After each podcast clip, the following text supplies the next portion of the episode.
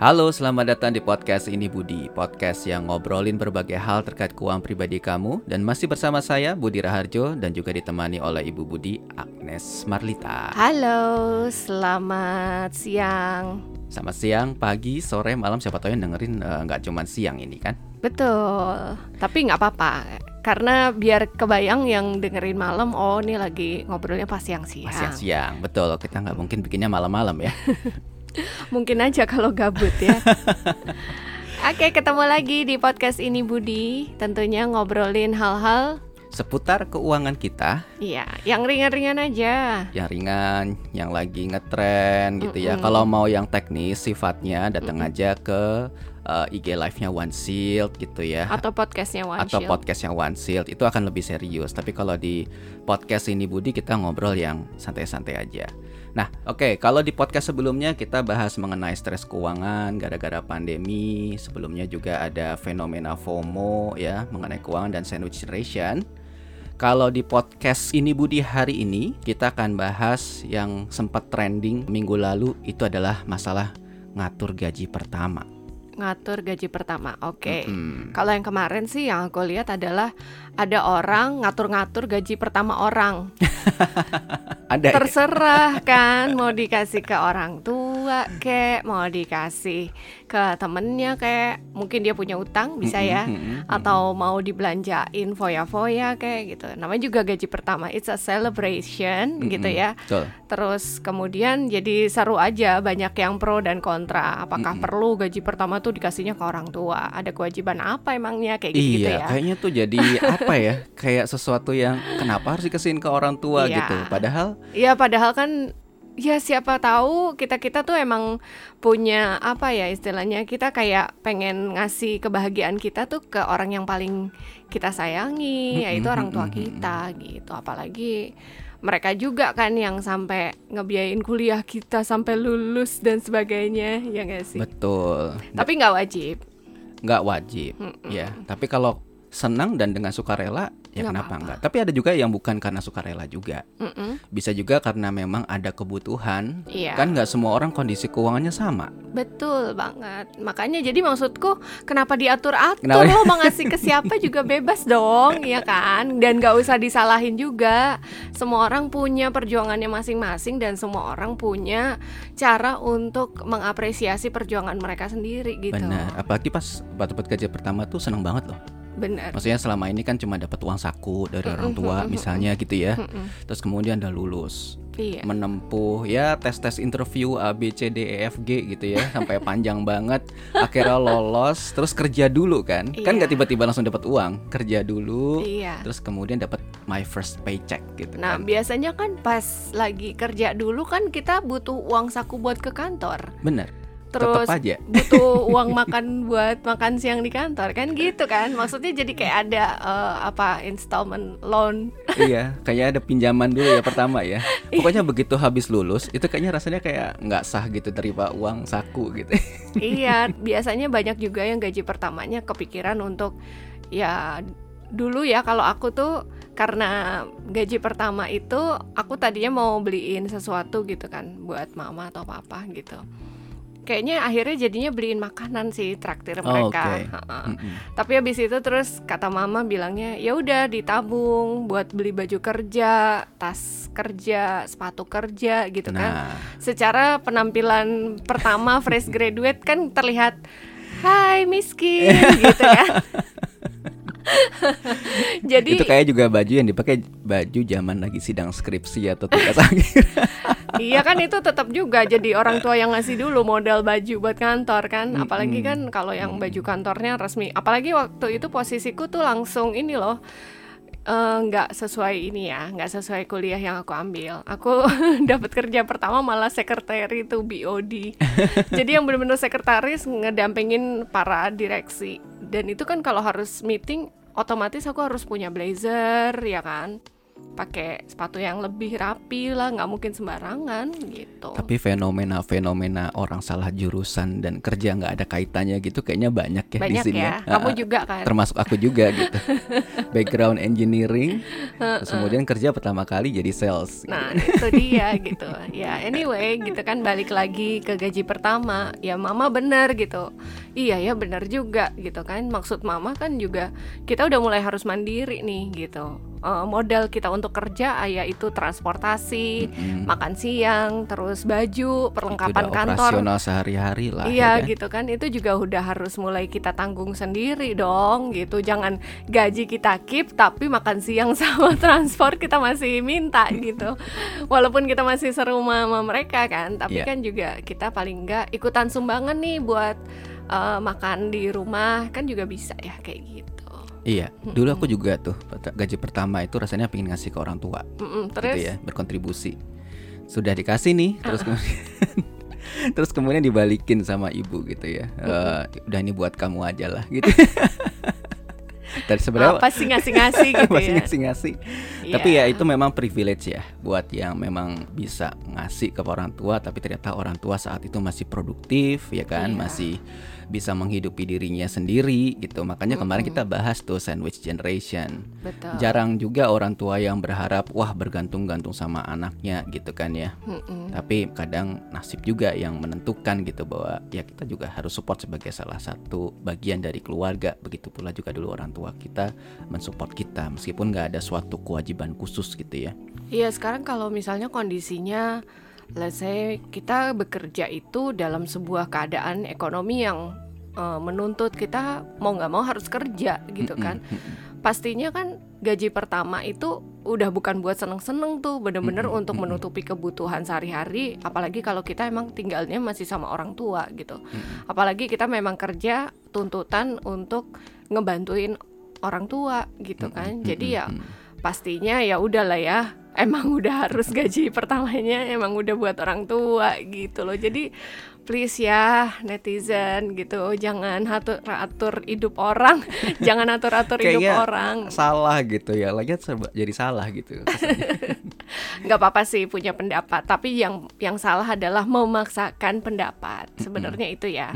Sah-sah aja kalau lo protes nggak boleh ngasih ke orang tua atau nggak suka ngasih ke orang tua nggak apa-apa juga. Tapi juga jangan jadi maksain itu atau melihat orang yang berlaku demikian itu jadi salah nah yang lucu ada loh tadi eh, aku sempat baca ya pas kamu ngajakin podcast bikin topik ini terus aku sedikit survei-survei gitu ya.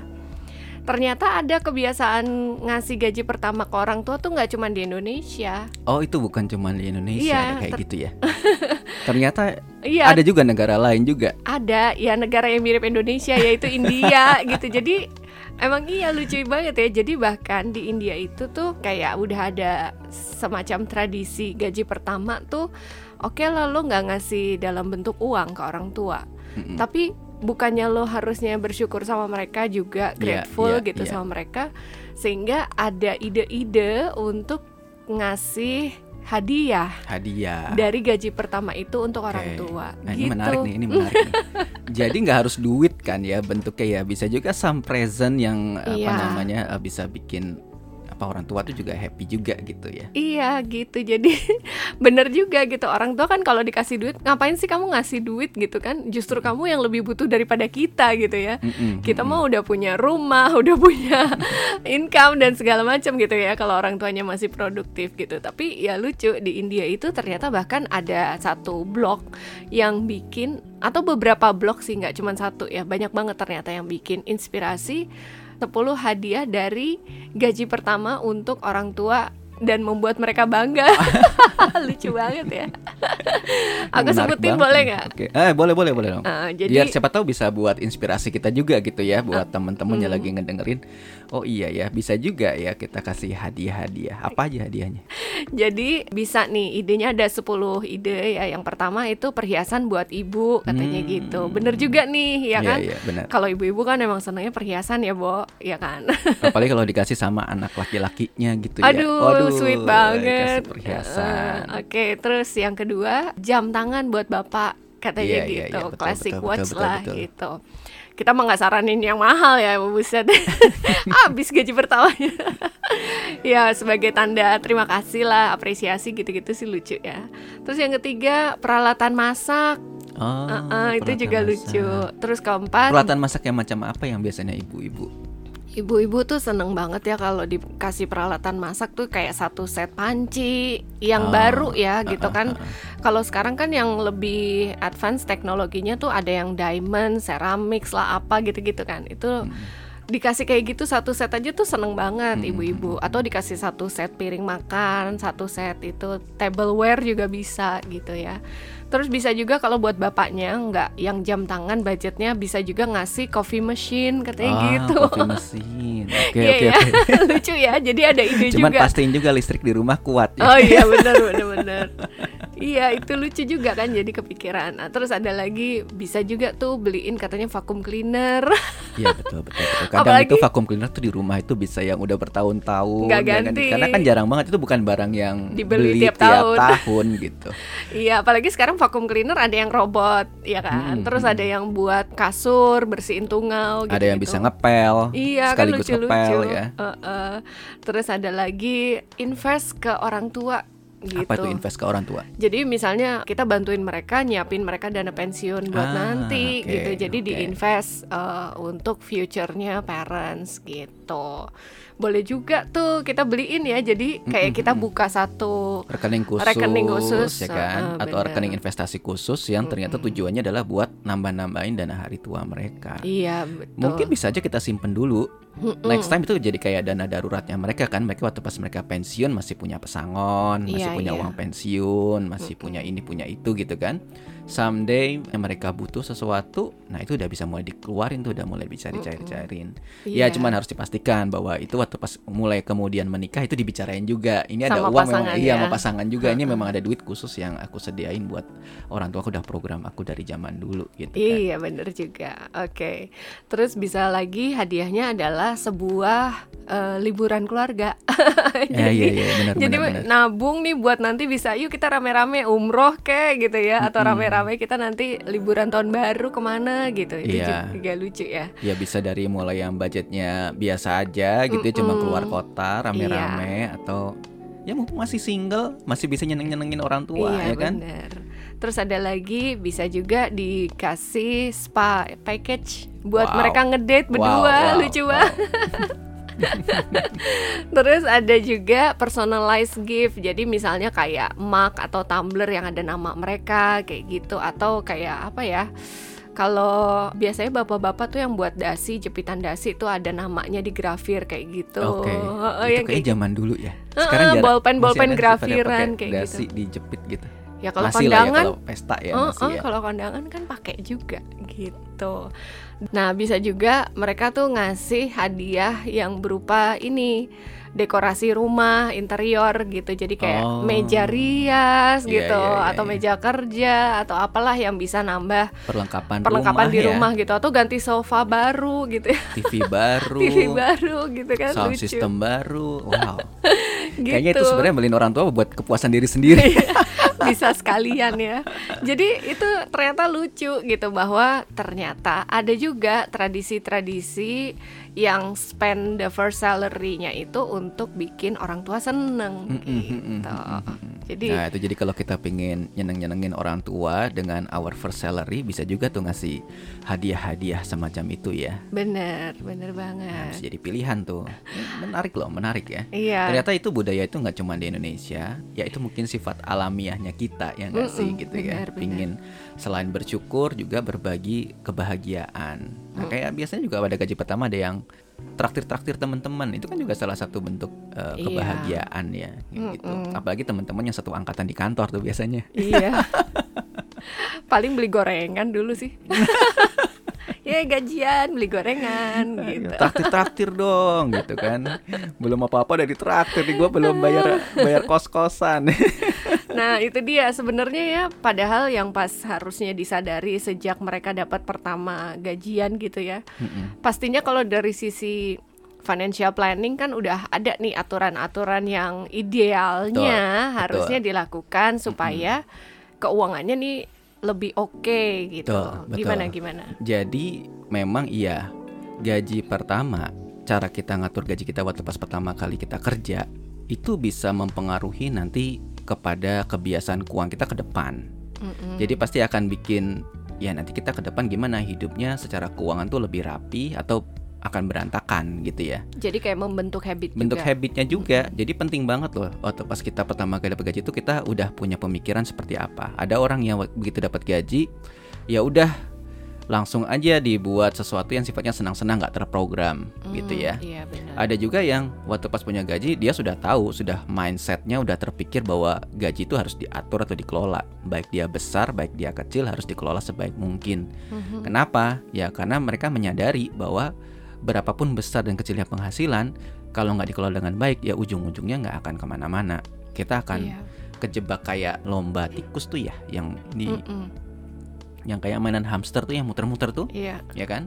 Jadi kita akhirnya kerja terus untuk uang gitu. Jadi biarpun kecil, biarpun yang di awal pertama, apalagi kalau pertama kali eh, first jobber kan mungkin gajinya masih UMR gitu ya. Tapi tetap aja kita harus tahu mau kita apain nih uang ini. Supaya apa? Supaya jangan sampai habis di tengah jalan ya, Betul. atau bahkan sampai di akhir bulan belum gajian berikutnya kitanya udah pusing. Wah duit tinggal 50.000 ribu dibagi buat eh, sampai setengah bulan terakhir kan nggak mungkin gitu kan. Nanti ujung-ujungnya jadi repot sendiri. Nah itu makanya kita gimana sih caranya kita ngaji pertama itu kita apain gitu ya biar akhirnya bisa cukup. Nah ini aku mau bagi beberapa tips nih gitu ya Oke. buat teman-teman yang punya gaji pertama supaya terus kemudian bisa ngatur keuangan dan bisa merencanakan ke depannya. Bukan berarti dalam ngatur keuangan ini nggak boleh senang-senang, nggak boleh berbagi gitu ya. Kadang-kadang orang salah persepsinya gitu ngatur uang itu berarti kita harus keep uh, our money for ourselves. Nggak gitu juga gitu.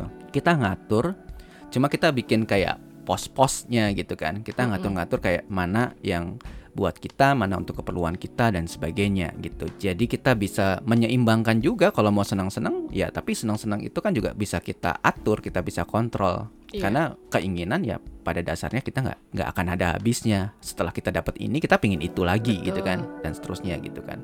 Jadi gimana caranya kita ngatur gaji pertama? Yang pertama ya, buat rencana anggaran biar nggak habis di tengah jalan. Kita punya dari gaji pertama ke gaji berikutnya tuh berapa hari. Jadi kita harus tahu tuh secara kasar aja misalnya ini biar gampang ngitungnya gitu ya. 3 juta sebulan misalnya gitu ya. Nah, kalau kita bagi secara 30 hari kan berarti 100 ribu per hari. Ya kan ngebudgetin uh, pengeluaran kita se- setiap hari. Itu kalau kita pingin bagi rata biar nggak habis. Mhm. Tetapi pada kenyataan yang bisa kita bagi per hari itu adalah uang yang sebenarnya sudah kita keluarin dulu untuk hal-hal yang sifatnya penting untuk dikeluarin. Gitu ya. Transport, makan, listrik, kemudian sewa kos-kosan ya kan. Kalau ngekos, Kalau ngekos ya internet, internet dan Telepon. sebagainya itu bener-bener ada pengeluaran yang sebulan sekali keluar secara rutin. Oke. Nah itu kita harus catat-catat dulu tuh Iya, iya. pengeluaran yang tiap bulan pasti keluar secara rutin. Jadi intinya adalah bikin rencana anggaran dulu. Nah untuk bikin rencana anggaran teman-teman harus punya contekan gitu ya. Maksudnya pengeluaran bulanan tuh kira-kira apa aja sih? Nah pengeluaran apa bulanan itu memang macam-macam ya. Dari mulai pengeluaran misalnya kayak buat cicilan, harapannya sih pas pertama kali kerja jangan ada cicilan-cicilan dulu lah. Iya. Nah, ini nih nggak ada cicilan sih memang, tapi anak-anak sekarang tuh gampang banget. Itu loh, pay later, pay later. Iya gampang banget sih Oh, soalnya oh, padahal itu sama aja kamu ngutang. sama sama aja utang. Ya itu yang kayak pay later, pay later itu ya sebenarnya adalah utang yang harus dikembalikan gitu. Nah jangan dibiasain dulu mengeluarkan uang tapi bayarnya belakangan. Iya tuh, benar-benar. Itu nanti jadi kebiasaan yang buruk. Kenapa? Biasanya dorongan untuk membayar itu sebenarnya paling tinggi kan di saat kita beli barang itu. Betul. Waktu pas kita menunda itu makin enggan loh ngeluarin uh, uang untuk ngelunasin gitu ya. Jadi daripada nanti kejebak utang Mhm. ya yang nggak perlu lagi ternyata utangnya gitu kan bukan berarti utang nggak boleh tetapi kalau kita utangnya sifatnya konsumtif tidak untuk membangun aset ternyata cuma buat beli kopi aja pakai ngutang gitu ya Aduh. nah itu nggak wise lah Beli gitu. ayam geprek doang ngutang. Iya itu Janganlah buat yang kecil-kecil kayak gitu Kita berhutang itu harus punya strateginya sendiri Mm-mm. Nanti kita akan bahas secara khusus nih ya Gimana cara ngatur utang yang baik gitu ya Oke. Untuk secara, secara prioritasnya Nah terus kemudian ya berbagai pengeluaran yang prioritas itu kita keluarin dulu Baru kemudian sisanya inilah yang kita bagi buat jatah kita harian Jadi itu itu yang pertama bikin anggarannya dulu Terus kemudian kita juga alokasikan juga pengeluaran kita untuk sesuatu yang menurut kita bisa kayak obatnya kita gitu ya. Mhm. Nah obatnya ini yang kadang-kadang orang berpikir oke ini buat sesuatu yang bisa menyenangkan. Ada orang tuh yang misalnya pinginnya setiap bulan saya harus ada budget seneng-senengnya. Oke. Ada orang yang pinginnya beli baju misalnya gitu. Mm-mm. Ada orang yang senangannya makan sebulan sekali. Iya. Ya macem-macem lah ya gitu. Mm-mm. Pokoknya anything that pleases you yang bisa bikin kita terhibur ya Iya, kan. eh, pada bilangnya itu self reward. Self reward. ya. Jadi jangan kebanyakan self reward juga dong sebenarnya. Iya self reward itu perlu untuk Mm-mm. kayak hadiah atas effort kita kerja keras gitu ya. Tapi juga masih bisa kita tunda sebenarnya. Iya benar ya. Masih bisa kita tunda. Ada orang yang self rewardnya tuh nggak harus tiap bulan. Iya. Tiap bulan disisihin, Mm-mm. tapi nggak langsung dinikmatin. Oke. Kita kumpulin aja setahun. Terus Hmm. what we can do about it gitu ya. Apa yang bisa kita lakukan dengan uang yang sudah kita sisihin itu dalam rekening terpisah. Iya iya betul betul. Jadi bisa juga self rewardnya itu dalam satu rekening atau pos sendiri yang Mm-mm. nantinya kita benar-benar nikmatin tuh pol ya maksimal iya kita pola gitu. maksimal. ya. Kalau kita habisin pun kita nggak ngerasa bersalah gitu kan. Oke. Misalnya mungkin yang kita sisihin kecil cuman 10% atau 15% dari penghasilan. Mm-mm. Tapi kalau setahun Iya. kan gede juga gitu. Lumayan bisa buat liburan lah ya Bisa keluar buat negeri. liburan, benar gitu. Jadi dan itu waktu pas kita merencanakan self reward itu bisa buat diri kita sendiri atau juga bisa buat hadiah buat orang lain yang menurut kita penting ya. Nah, jadi Oke. tergantung value-nya kita. Karena kadang-kadang buat kita sendiri kita beli kita waktu pas merasakan buat diri kita sendiri ternyata kepuasannya berbeda ketika kita berikan kepada orang lain. So itu it's your call ya gitu ya buat teman-teman gitu. Terus kemudian jangan lupa waktu pas awal punya penghasilan itu anggaran tuh sebenarnya kita bisa bagi dengan formula gitu. Nah, ada tuh yang formulanya itu 50 30 20. Hmm, 50% untuk kebutuhan hidup gitu kan. Iya. 30% kalau bisa 30% ini adalah untuk ditabung, Mhm. kemudian yang 20% adalah untuk senang-senang. Gitu. Nah, itu bisa kita kita bagi seperti itu. Atau buat or- beberapa orang tertentu, ya ini berdasarkan hasil survei, kadang kalau kita workshop dan sebagainya, Iya. ada loh ternyata yang bisa mereka saving 40% dari penghasilan mereka. Dengan semakin banyak mereka saving ya tentunya mereka bisa membangun aset mereka lebih cepat. Cuma ini kan tipikal karakter-karakter tertentu ya. Biasanya yang jarang nggak terlalu banyak hahaha hihi juga nih anak-anak yang Iya iya. yang iya. mereka benar-benar ya udah keperluan mereka tuh sesuai prioritas mereka. Kemudian nggak ada salahnya kalian secepat-cepatnya waktu pas punya penghasilan pertama itu adalah mulai susun-susun pondasi keuangan Mhm. seperti misalnya dana darurat. Oke. Nah, dana darurat itu kan adalah uang yang kita gunakan buat jaga-jaga nih. Jadi apa dulu nih kalau aku mau terima gaji pertama apa yang harus aku bentuk? Nah, itu salah satunya adalah uh, mulai susun persiapan untuk emergency fund. Ini akan kepake banget. Biasanya kalau di awal karir orang itu nggak akan stay di perusahaan itu cukup lama. Biasanya mereka itu uh, kayak pekerjaan pertama, terus kemudian kelihatannya kok uh, kurang cocok gitu ya. Terus kemudian mereka ngelamar-ngelamar lagi, pindah kerjaan lagi. Nah, saat masa-masa transisi itu kan bisa jadi kita nggak punya penghasilan karena Kita udah resign, udah belum dapat gaji belum dapat lagi. yang baru lagi gitu ya dan sebagainya sehingga kita perlu dana darurat ini yang bisa mengcover beberapa bulan pengeluaran kita. Oke. Nah, itu basisnya adalah pengeluaran teman-teman. Jadi dana darurat ideal untuk seseorang yang single itu kira-kira sekitar tiga bulan pengeluaran sih quite okay gitu ya. Oke. Udah udah bisa gitu loh. Tiga Mhm. bulan Apalagi pengeluaran. dia single kan ya. Apalagi kalau dia single. Mhm. Jadi misalnya pengeluarannya bisa ditekan sampai dengan 2 juta per bulan gitu ya. Mm-mm. Maka kalau dia butuh dana darurat yang harus dia bangun adalah 6 juta minimal gitu ya. 6 juta itu adalah minimal. Kapan bisa kita peroleh? Ya tergantung plan kamu gitu ya. Plannya teman-teman kalau pingin secepat mungkin ya tentunya berarti harus di saving adalah sebesar mungkin. Jadi mulailah susun dana darurat. Terus kemudian pastikan kita punya asuransi kesehatan. Kalau kalian bekerja, biasanya sudah diikut sertakan dalam program BPJS tenaga kerja yang sudah meliputi juga benefit kesehatan gitu kan ya. Tapi kalau misalnya kamu sendirian, masih eh, freelance ya pekerja mandiri, pastikan kamu juga ikut program-program serupa asuransi kesehatan. Karena kesehatan ini adalah salah satu penopang pengeluaran kamu yang besar kalau misalnya terjadi sakit. Iya betul betul. Jangan sampai gara-gara sakit, gara-gara biaya berobat, Mhm. apalagi kalau ternyata sakitnya parah, tabungannya jadi kekuras, Iya. ya kan? pengeluarannya yang harusnya bisa dikontrol jadi nggak terkontrol karena namanya sakit ya itu itu memang salah satu penyebab keuangan kita berantakan banget jadi pastikan kalian punya proteksi kesehatan untuk yang masih single dan selanjutnya bikin tuh target-target kecil tujuan keuangan Nah, Ya. ini nih yang suka kelupaan ya. Kadang kita bingung nih buat yang baru kerja. Emang aku harus punya tujuan keuangan apa gitu. Iya, Ya kan iya, bingung bener. gitu. Jadi mungkin bisa dijelasin dulu nih tujuan keuangan yang untuk anak first jobber, terus tujuan keuangan untuk yang jangka pendek dan jangka panjangnya. Kasih Nah. contoh. Mm. jadi dalam personal finance atau keuangan pribadi gitu ya Mm-mm. itu ada yang disebut sebagai financial life cycle ya siklus kehidupan seseorang kalau orang single itu pasti ada pengeluaran-pengeluaran yang sifatnya goals gitu ya kayak memang cita-cita mau A mau B gitu ya Oke. ada juga yang sesuatu yang memang akan ada kebutuhan di masa yang akan datang yang akan cukup besar gitu misalnya kayak yang namanya kita pingin mandiri ya kita harus beli aset sendiri gitu Oke. ya misalnya pingin beli rumah Mm-mm. nah itu bisa jadi satu financial goals sendiri tuh Oh, atau iya. mungkin mau nikah Mm-mm. Nah, itu tujuan-tujuan jangka pendeknya orang-orang yang masih single itu memang kebanyakan nggak panjang sekali, Iya iya. tapi jangka pendek menengah. Mm-mm. Misalnya setahun lagi, ah, gue mau beli motor deh. Nah, itu kan harus nyiapin. Beli motornya gimana nih? Mau belinya cash atau mau belinya kredit? Better cash dong.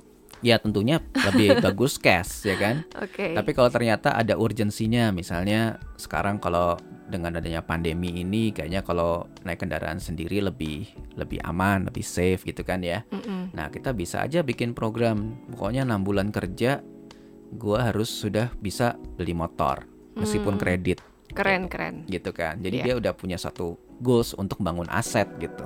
Nah Oke. kredit-kredit seperti ini ya nggak apa-apa gitu. Apalagi kalau kredit kendaraan bermotor kan biasanya memang ada special rate-nya ya gitu. Oke, itu berarti termasuk aset produktif ya. produktif, apalagi kalau menunjang pekerjaan sehari-hari ya, jadi Oke. lebih apa efisien waktunya, terus kemudian juga kerjanya bisa lebih cepat, energi juga nggak terkuras ya, ya boleh aja.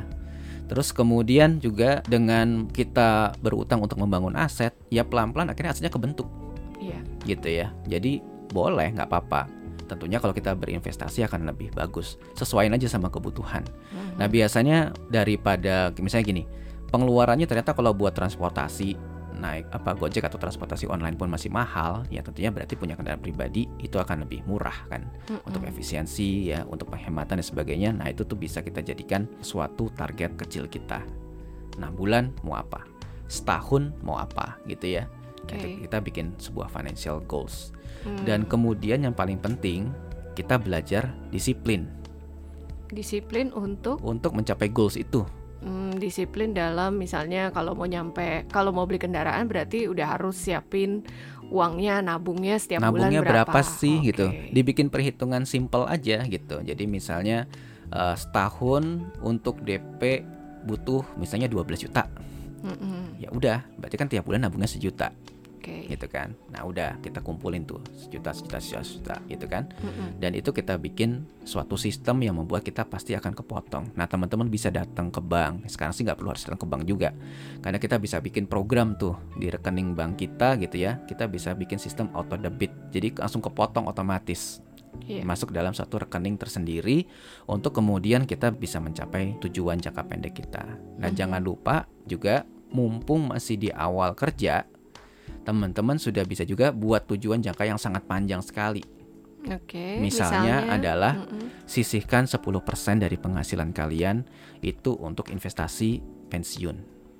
Iya ya benar juga. Kalau kemarin kan dibahas tuh jangan sampai kita nggak ada kebayang rencana pensiunnya seperti apa ya. Mm-mm. Jadi semakin cepat disiapin sebenarnya biaya persiapannya nggak terlalu besar. nggak terlalu nggak terlalu besar gitu ya. Mm-mm. Jadi kita bisa sisihin mulai dari 10% kita investasikan gitu ya di produk-produk keuangan yang berkaitan dengan pensiun atau investasi ya apa pun yang sesuai dengan profil kalian gitu yang kalian Mm-mm. suka sisihin tuh Oke. sambil kita pelan-pelan selain kita nabung kita juga udah punya investasi Iya iya. Dan kalau kita udah mulai punya investasi dan kita lihat investasi kita berkembang, kerasa percaya diri kalian gitu ya dengan kondisi keuangan kalian tuh akan lebih tinggi. Iya, gitu. iya. Nanti ke depan ke depannya kalian nggak akan mudah terbawa oleh apa yang sedang tren gitu ya, Mm-mm. yang lagi FOMO deh nantinya. FOMO-nya gitu ya. Jadi teman-teman kenapa sudah punya plan sendiri gitu. Iya, benar Gitu. benar. Oke, jadi itu dia ya. Eh, ternyata memang dari ketujuh hal tadi ada yang memang harus diperhatiin nih teman-teman ya. Jadi silahkan teman-teman nanti udah mulai bisa bikin rencana sendiri. Oke deh tiap bulan berarti aku harus ada goals ya kan, Mm-mm. manage expense-nya juga harus Mm-mm. bener-bener bisa ya terencana gitu ya. Mm-mm. Senang-senang juga boleh ya Boleh. senang-senang juga boleh. Bahkan waktu itu sempat ada yang bilang sebenarnya kalau semua kewajiban itu udah disisihkan, Mm-mm. sisanya bisa aja terserah mau buat seneng-seneng gitu ya. Iya benar. Yang Mm-mm, penting mm-mm. sudah diatur prioritasnya. Tapi ada beberapa hal juga yang harus diperhatikan untuk yang first jobber. Contoh tadi, yang pertama dia nggak boleh punya utang dulu ya. Jangan ya, Jangan dulu deh. pay later pay later, Pay lupakan. pun apa itu ya, itu jangan gitu ya. mm-mm. Ya itu aja yang harus diperhatikan gitu ya. Pokoknya pas awal punya penghasilan ya sebaiknya di jangan ada cicilan dulu ya. Mm-mm. Apalagi kalau ternyata penghasilannya masih pas-pasan teman-teman. Jadi usahakan beli apa pun tuh ditabung dulu deh gitu ya. Nabung, Sabar-sabar nabung, ya. nabung, sabar-sabar. Mm-mm. Dan itu akan bangun karakter kita juga untuk menunda kesenangan dulu sampai kemudian achieve something. Teman-teman akan lebih disiplin, punya Oke. rencana tabungan dulu ya. Mau beli sesuatu, oke nabung nabung nabung nabung nabung sampai kemudian kebeli ya. Akan punya keahlian uh, untuk menunda kesenangan sampai tercapainya tujuan kita. Dan itu Gitu. juga jadinya nggak menjebak kita di apa harus bayar hutang terus gaji jangan sampai habis buat bayar hutang terus gitu ya. iya, benar. Nah, kadang-kadang itu Oke. suka udah terlalu cepat pingin naikin gaya hidup dengan gaji yang masih pas-pasan. Aduh, itu jebakan Batman banget sih, Wah, ya kan? jebakan Batman banget. Apalagi di kantor atau ngelihat teman-teman yang biasanya main bareng gitu, kok dia udah bisa beli tas branded, kok ga- Mm-mm. eh, gadgetnya udah ganti lagi gitu ya. benar, benar. Setiap orang kan punya jalurnya sendiri-sendiri nih. Betul, betul. Penghasilannya sama tapi cara ngatur uangnya bisa beda-beda. Iya. Kalau- Atau tiap orang juga kebutuhannya beda, ya Mm-mm, kan? Atau kebutuhannya juga beda. Siapa tahu kamu memang tanggungannya lebih banyak. Jadi Betul. jangan terlalu memaksakan diri untuk harus ini harus itu. Kita sesuaikan aja sama diri kita sendiri kondisinya seperti apa. Itu akan lebih aman loh buat kalian gitu yang ngatur keuangan kalian. Nah, So, ini bener banget ya. Jadi dulu pernah nih kita kan sama-sama kuliah nih. mm-mm, Aku punya satu geng. mm-mm. Nah terus pas kita udah pada dapat kerja nih semuanya, kita suka ketemu tuh sebulan sekali gitu kan ngumpul. Ada satu teman kita tuh yang emang dari kuliah tuh juga ini loh, dari kuliah pun dia sebenarnya udah bisa cari duit, Hmm, tapi terus dia tuh orangnya pintar banget megang duit gitu loh. Iya. Nah terus pas kita ngumpul-ngumpul tuh ya yang biasa lah anak-anak kalau ngumpul tau handphonenya baru gitu Oh. kan Tau-tau udah ada yang pakai tas bermerek lah atau apalah kayak gitu ya Nah tetep yang si temenku yang satu ini dia tetep yang kelihatannya sangat simpel, sederhana gitu ya Mm-mm. Terus kita ngelihatnya kayak nggak menikmati hidup Kayak menikmati hidup kan? Kayak kok hidupnya sederhana gitu Iya ya. gitu kita suka kasihan gitu Eh, Dia gimana ya Malah ditraktir malah. Iya enggak. Kita suka mikirnya gini ini gajinya cukup nggak sih? Kok kayak kasihan? Padahal kan dia tuh yang dari sejak kuliah tuh yang paling pinter deh. Harusnya kan dia yang paling sukses gitu. Kadang kan orang ngelihat kacamata kesuksesan itu dari penampilan ya kan? nah itu kan salah. Nah pas kemudian akhirnya beberapa bulan kemudian kita ketemu lagi gitu ya dia tuh udah tiba-tiba cerita gitu bahwa dia sekarang udah posisinya juga udah berubah gitu ya. Mm-mm. Pokoknya dia yang paling pesat deh ininya. Karirnya ya. Karirnya paling pesat. Sampai akhirnya pas kita tahu lagi tuh dia udah punya apartemen. Mm-mm. Dia udah punya mobil.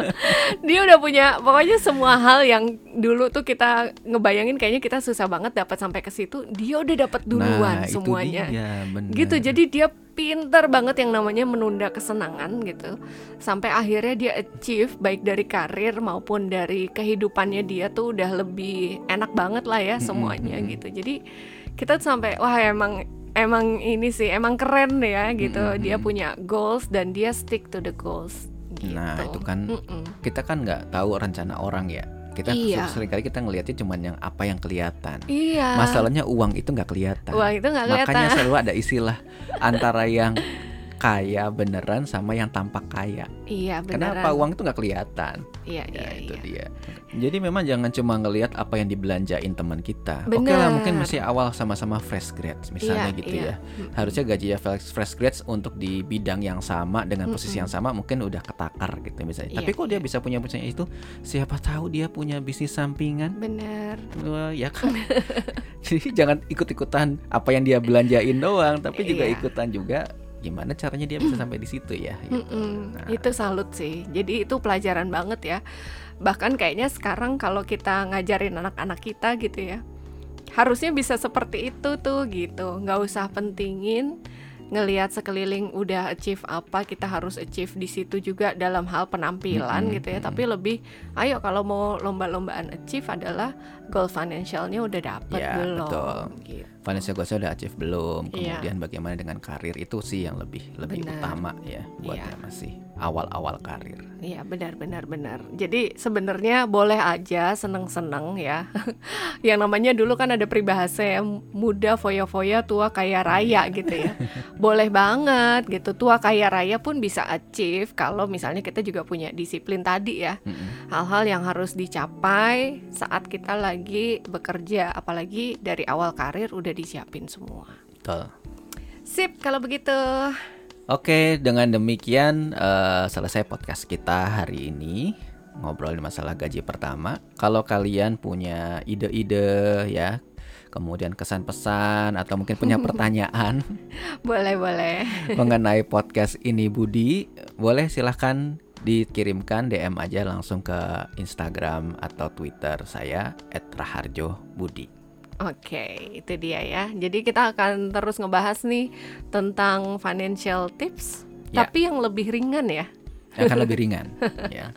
Oke. Cukup sekian. Terima kasih teman-teman telah mendengarkan podcast ini Budi. Sampai ketemu di topik lainnya. Bye bye. Dah.